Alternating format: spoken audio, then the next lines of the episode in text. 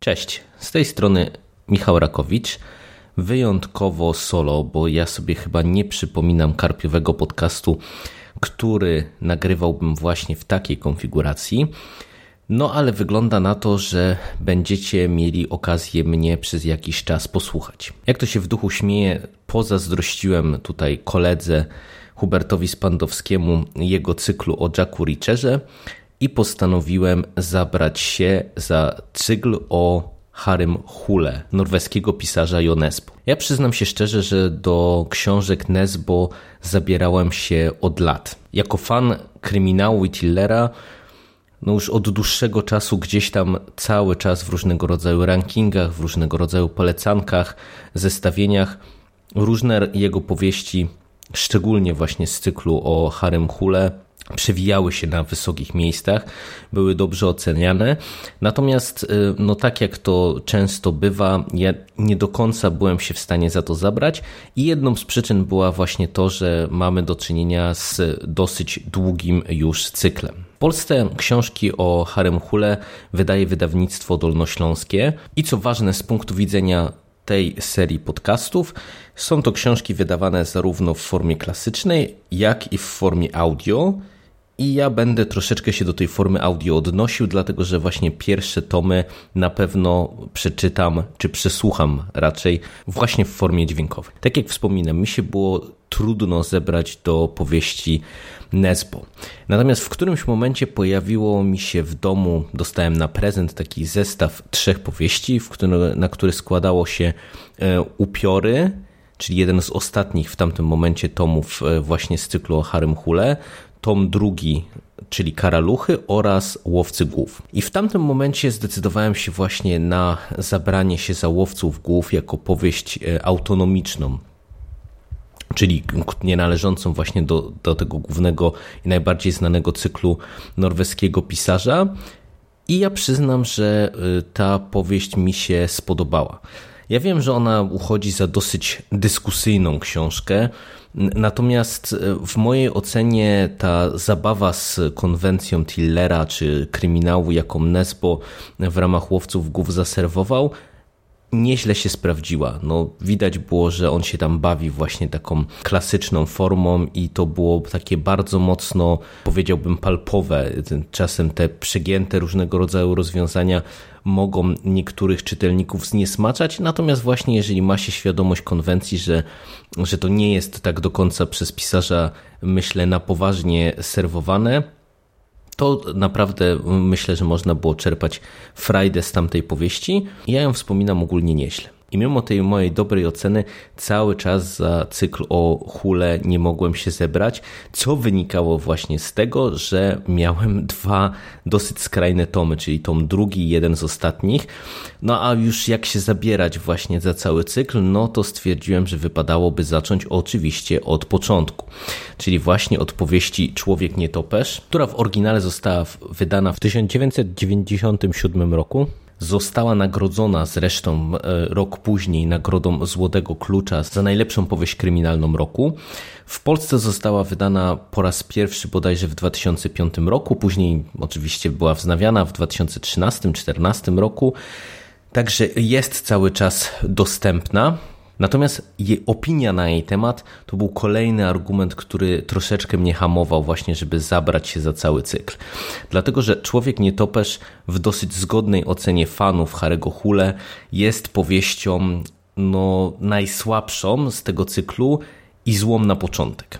No, ja sobie powtarzałem, no przecież nie może być złą książką na początek, jeżeli mamy e, otwarcie cyklu, e, mamy jakieś tam nagrody dla tej powieści, no przecież nie, nie zdobyłaby cała seria tak dużej popularności, jeżeli początek jej byłby słaby. Dodatkowo dochodził argument w postaci tego, że Nesbo ma podobno w zwyczaju spoilerować na potęgę wcześniejsze tomy w dalszych odsłonach serii.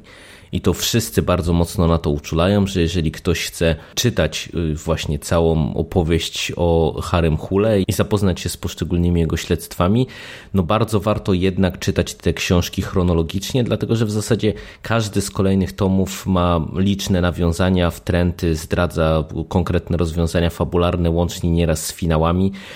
No a to też powodowało właśnie, że nie chciałem zabierać za tomy kolejne bez przeczytania tego tomu pierwszego. Zbierałem się, zbierałem, tak jak nie mogę wyjść poza bardzo przydługi wstęp z tego podcastu i w którymś momencie okazało się, że moja mama ma pierwsze tomy, cztery właśnie z serii Harem Hule w audio, no i stwierdziłem, że okej, okay, no to już w tym momencie jakby nie mam argumentów, biorę całą czwórkę e, i zaczynamy. Zasiadałem do Człowieka Nietoperza z no, takimi mieszanymi odczuciami, pamiętając właśnie te wszystkie e, również mieszane recenzje, ale tak jak wspomniałem, no nie sądziłem, że to będzie faktycznie tak złe, a powiem wam szczerze, że ta powieść jest w moim odczuciu książką absolutnie fatalną. Ja nie boję się użyć sformułowania tego, że Człowiek Nietoperz to jest jedna z najgorszych powieści kryminalnych i najgorszych powieści chyba w ogóle, jakie ja przeczytałem. Nie chodzi tu, a od razu zaznaczę na wstępie o warsztat. Jeżeli weźmiemy pod uwagę tylko i wyłącznie samą warstwę językową i to, jak cała powieść jest e, prowadzona, to wydaje mi się, że Nesbo poradził sobie z tym tematem całkiem nieźle. To, co niestety moim zdaniem wykłada całą tę powieść, e, to jest to, że ona jest zdecydowanie źle rozplanowana i rozpisana pod kątem swojej zawartości.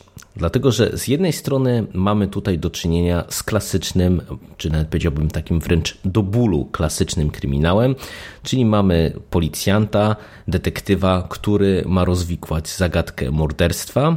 Natomiast to jest tylko jakby pierwsza warstwa, którą dostajemy w Człowieku Nietoperzu. Dlatego, że paradoksalnie samo śledztwo wydaje mi się tutaj jest tyleż istotne, co gdzieś tam stanowi tło dla bardzo wielu wątków mm, obyczajowych, politycznych, społecznych.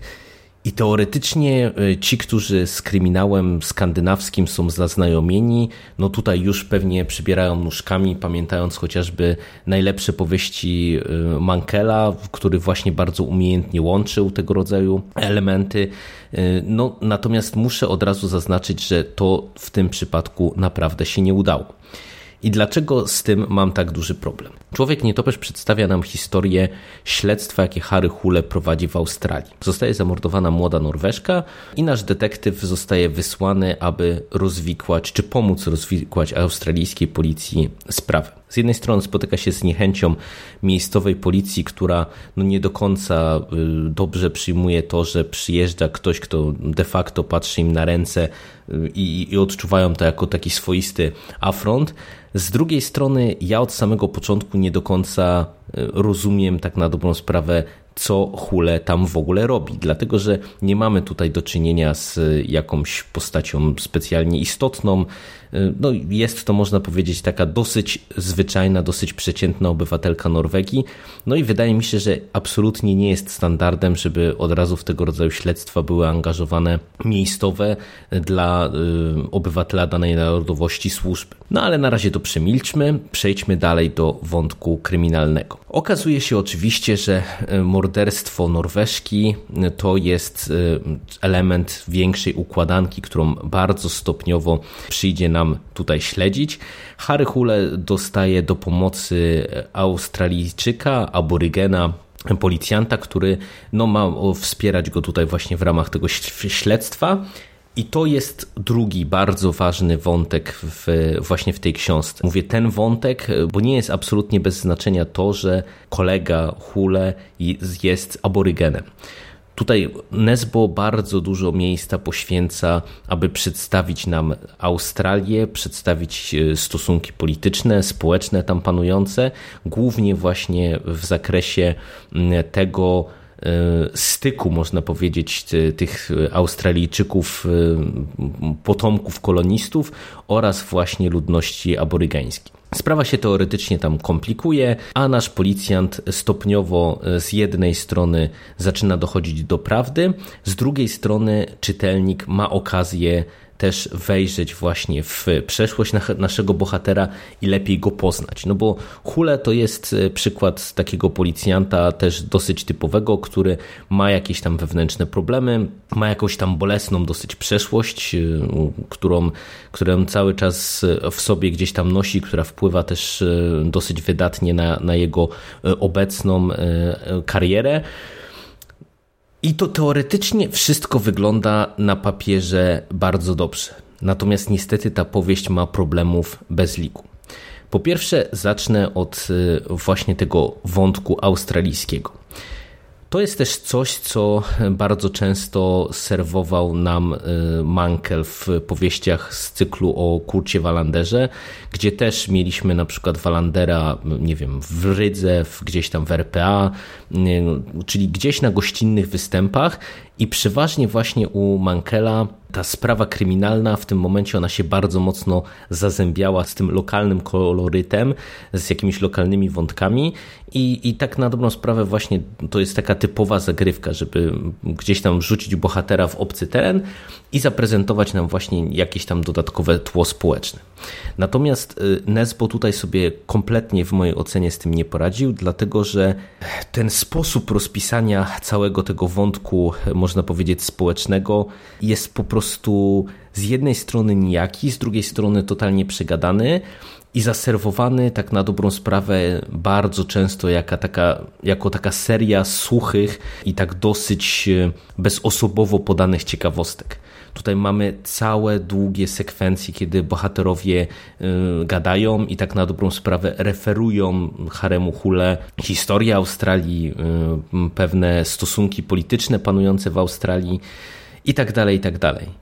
I to po prostu kompletnie nie działa. Dlatego, że w mojej ocenie, w przypadku takiego typowego skandynawskiego kryminału, albo w ogóle kryminału, który próbuje właśnie igrać y, z jakimś no, takim elementem obcym dla danego policjanta, y, no to powinno to działać w ten sposób, że ten element y, kultury czy element społeczny, który jest wyciągany na pierwszy plan, on będzie miał istotne znaczenie dla całego śledztwa. I tutaj Teoretycznie gdzieś tam w finale się okazuje, że jest pewne uzasadnienie dla tego wszystkiego, natomiast to jest tak holendarnie naciągane y, i to jest coś, co absolutnie, absolutnie nie uzasadnia nam ilości tych suchych faktów, które tutaj są podawane i które owszem są interesujące. Ja pewne rzeczy z historii Australii wiedziałem, pewne rzeczy były dla mnie nowe, Natomiast no, samo w sobie to dla mnie było dosyć e, kulawo poprowadzone. Natomiast jeszcze większe problemy są z samym śledztwem i z samym wątkiem kryminalnym.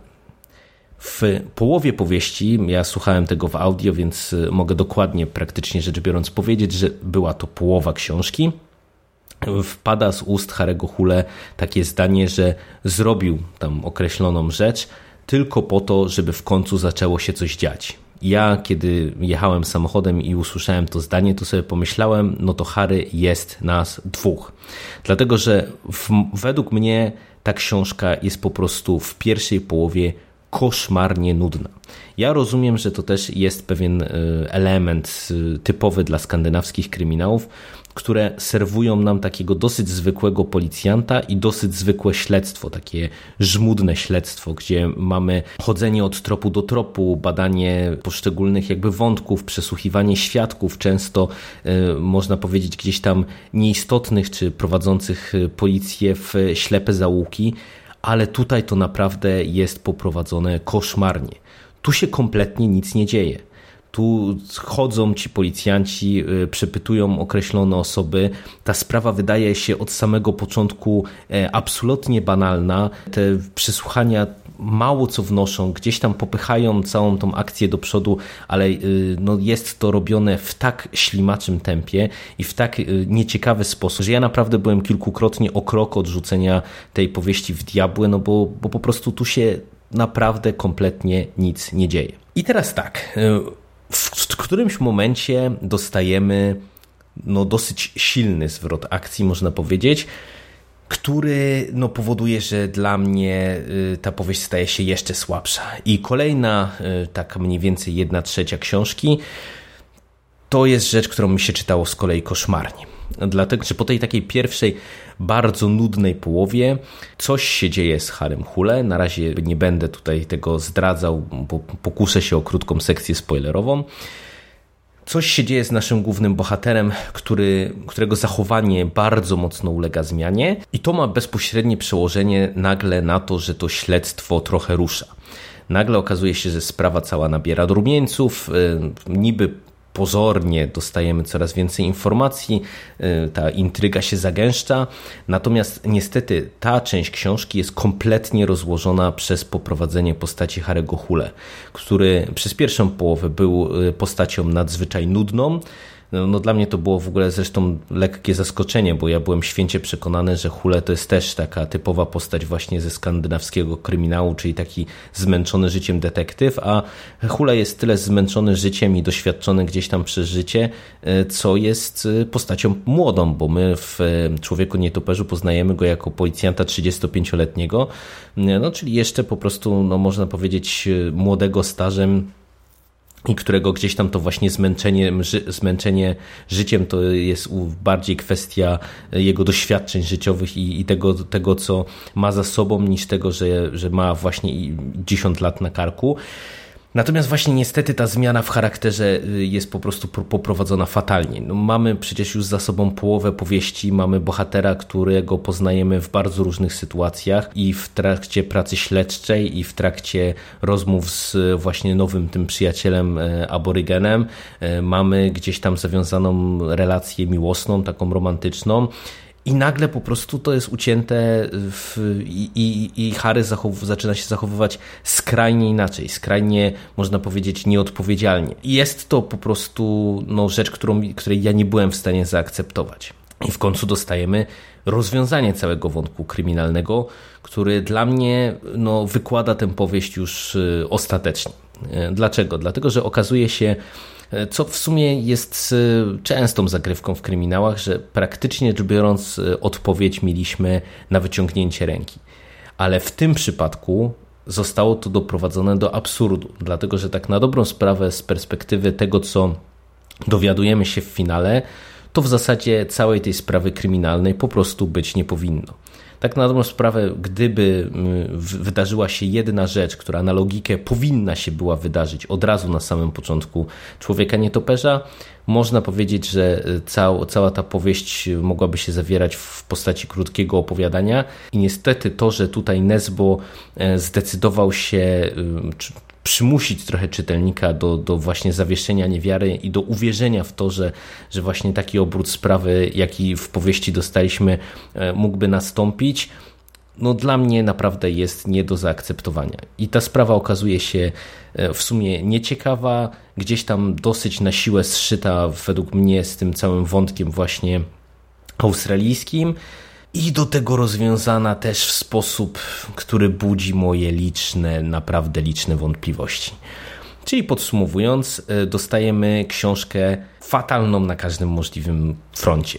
Z jednej strony jest nudna, z drugiej strony jest wkurzająca, nie sprawdza się jako kryminał, dlatego że to śledztwo jest e, słabe, e, cała, cała opowieść jest słaba, jako właśnie wykorzystanie tego australijskiego kolorytu to kompletnie nie działa.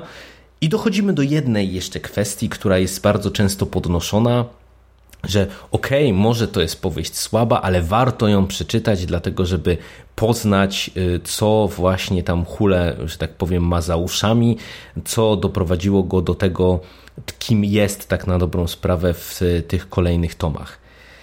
No i ja wam powiem, że to jest rzecz, y, która ja też jakby w ogóle nie akceptuję, czy nie akceptuję tego rodzaju argumentacji, dlatego że jestem już po drugim tomie. No i, i okazało się, że Nesbo faktycznie ma tendencję do spoilerowania na potęgę wszystkiego, co było w, w tomach wcześniejszych. I uwierzcie mi, w drugim tomie dostajemy wszystkie istotne elementy z przeszłości Harego, które dostaliśmy w Człowieku Nietoperzu, podane w formie krótkiej retrospekcji. Tak na dobrą sprawę, spokojnie z tego punktu widzenia właśnie całego tego Człowieka Nietoperza można sobie odpuścić, bo on po prostu nic do charakterystyki postaci w moim odczuciu nie wnosi.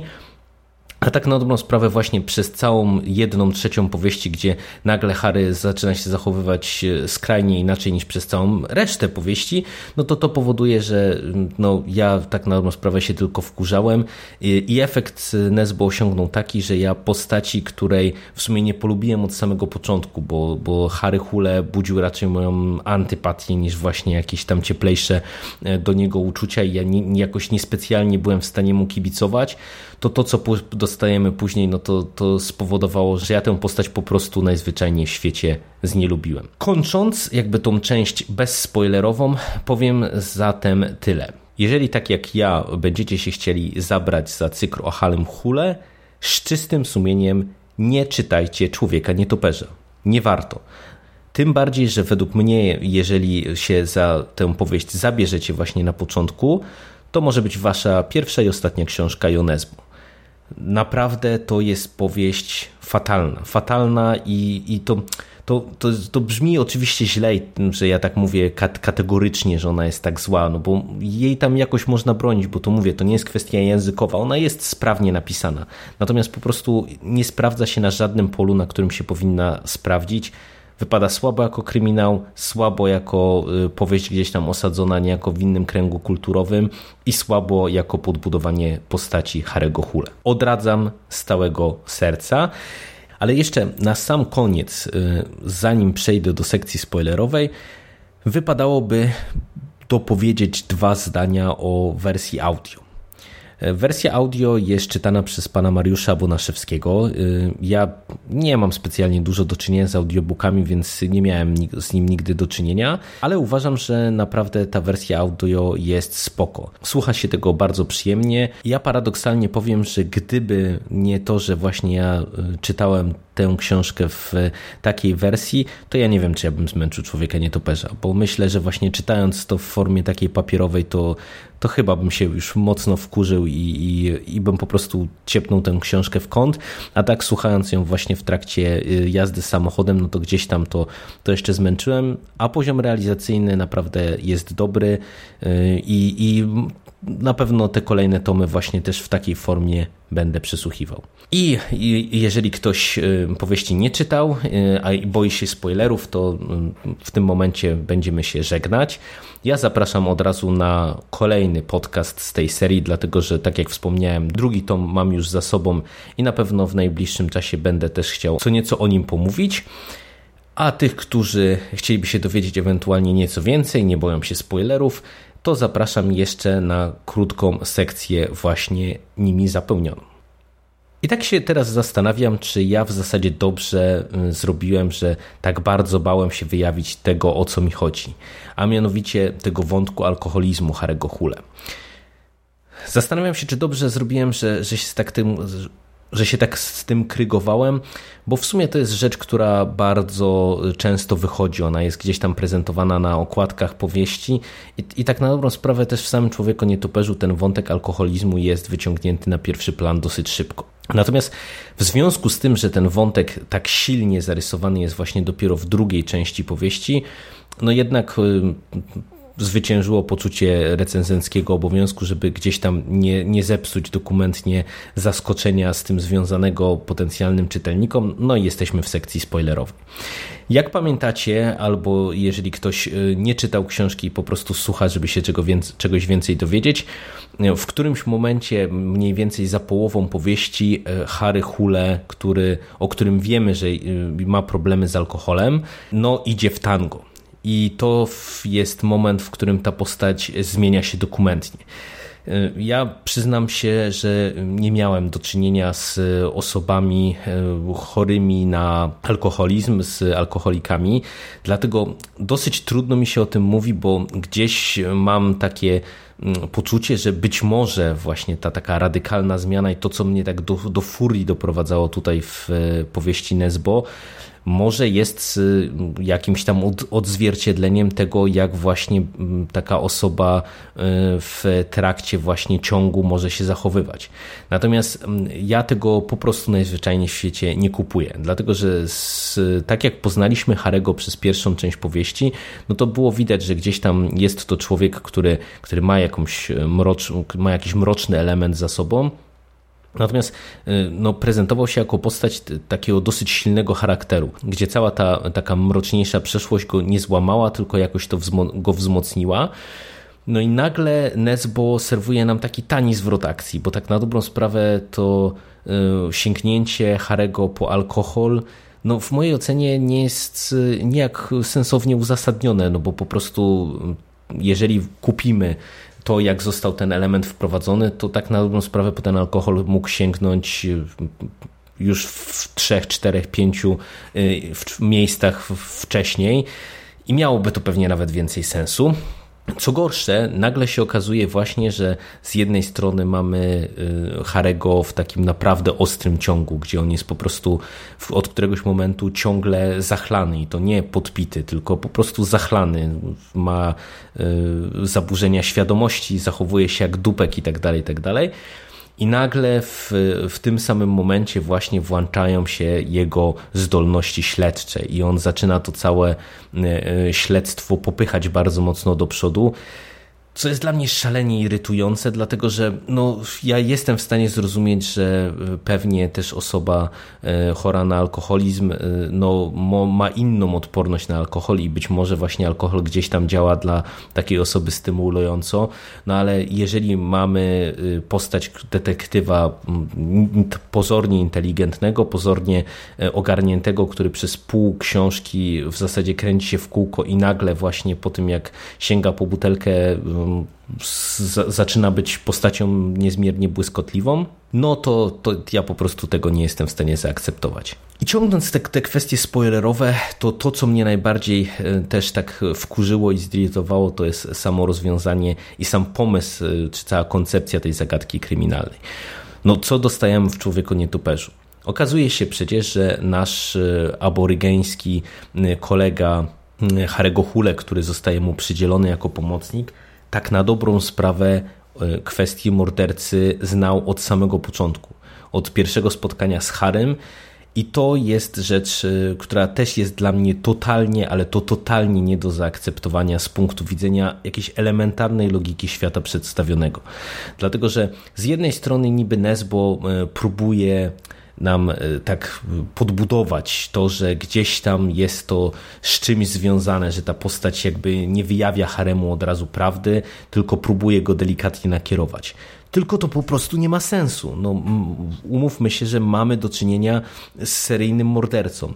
I jeżeli e, nasz e, tutaj aborygeński kolega, którego imienia już nie pamiętam, a wybaczcie, nie będę próbował sobie przypominać i odświeżał, i odświeżał tej powieści, wie, że y, człowiek, którego on gdzieś tam no, trochę usynowił, można powiedzieć, y, jest seryjnym mordercą, no przy charakterze tej postaci, tak jak ona jest nam przez całą powieść przedstawiana, no to się nie powinno zdarzyć. On powinien po prostu od razu zareagować y, i, i, i mimo, że to gdzieś tam było właśnie wbrew tym jego rodzicielskim uczuciom, no to jednak on się przecież nam prezentował cały czas jako właśnie postać taka prawa, y, praworządna i, i, po prostu to jest naprawdę rzecz y, absolutnie fatalna. Tym bardziej, że tak na dobrą sprawę to od któregoś momentu ten wątek właśnie tego, że e, ta postać e, główna tego policjanta zna mordercy i świetnie wie, kto jest mordercą, bardzo zaczyna ciążyć na, na całej fabule tej powieści, dlatego że mamy kompletnie idiotyczne po prostu elementy, kiedy na przykład właśnie policjant trafia do szpitala, e, jest ciężko pobity i zaczyna rozmawiać z Harem jakimiś po prostu półsłówkami, coś mu tam sugerując albo sugerując, że za zaraz mu coś tam powie i tak dalej, i tak dalej. I, i, i to jest po prostu rzecz, która rozkłada w mojej ocenie po prostu całą, całą tę książkę. Tym bardziej, że nie ma według mnie naprawdę żadnego uzasadnienia, dla, dlaczego to się by miało tak potoczyć. I też tak jak wspomniałem, że dla mnie właśnie to zszycie z tym wątkiem aborygeńskim i to, że tym uzasadnieniem ma być to, że to jest takie na zasadzie, nie wiem, że biali ludzie ciemiężyli aborygenów, to teraz aborygen zabija białe kobiety o blond włosach to jest tak po prostu na siłę doklejone, że to się naprawdę y, czyta po prostu, po prostu źle. To jest dla mnie przykład takiego wykorzystania właśnie tego elementu y, lokalnego, czy tego kolorytu lokalnego w najgorszym możliwym stylu. Mi to przywodzi na myśl Psy z Rygi Mankela, gdzie też mieliśmy w, wtedy Walandera na gościnnych występach w Rydze i widać było, że po prostu Mankel sobie z tym, tym lokalnym kolorytem nie radzi. To wypadało sztucznie, to wypadało źle i też y, cały czas czytelnik miał poczucie, że tak na dobrą sprawę to, to ten lokalny koloryt jest dodany na maksa na siłę, tylko i wyłącznie po to, żeby gdzieś tam tego pewnie lokalnego czytelnika y, skandynawskiego y, zaintrygować tym, że mamy do czynienia właśnie z takim no, enturażem gorącym, y, skrajnie odmiennym od tego, co, co widzi po prostu za oknem. I w zasadzie ja mógłbym się pastwić nad różnymi elementami tej książki jeszcze długo, natomiast wydaje mi się, że ona po prostu najzwyczajniej w świecie nie zasługuje, żeby poświęcać jej dużo czasu. Ja się cieszę, że ją zmęczyłem i dotrwałem, nie rzuciwszy jej w kąt. Y, absolutnie y, nie mam zamiaru do niej wracać. Y, jeżeli ktoś jest tutaj, kto, kto słucha tej sekcji spoilerowej, a z książki nie czytał, to naprawdę proszę uwierzyć, że na, uwierzyć na słowo, czego ja nie zrobiłem, że, że to jest powieść, której po prostu nie warto czytać i ja już teraz podkreślę i nawet nie warto czytać właśnie, żeby poznać właśnie historię i podbudowę Y, postaci Harego Hule, dlatego że to wszystko dostajemy w kolejnym tomie, skrócone i to uzasadnia nam tak na dobrą sprawę e, pewne elementy i, i, podbudowuje nam tą charakterystykę wystarczająco. Naprawdę nie trzeba do, do tego czytać tak e, słabej powieści, jaką jest Człowiek Nietoperz. Ode mnie to dzisiaj wszystko. Dziękuję i do usłyszenia w kolejnym podcaście.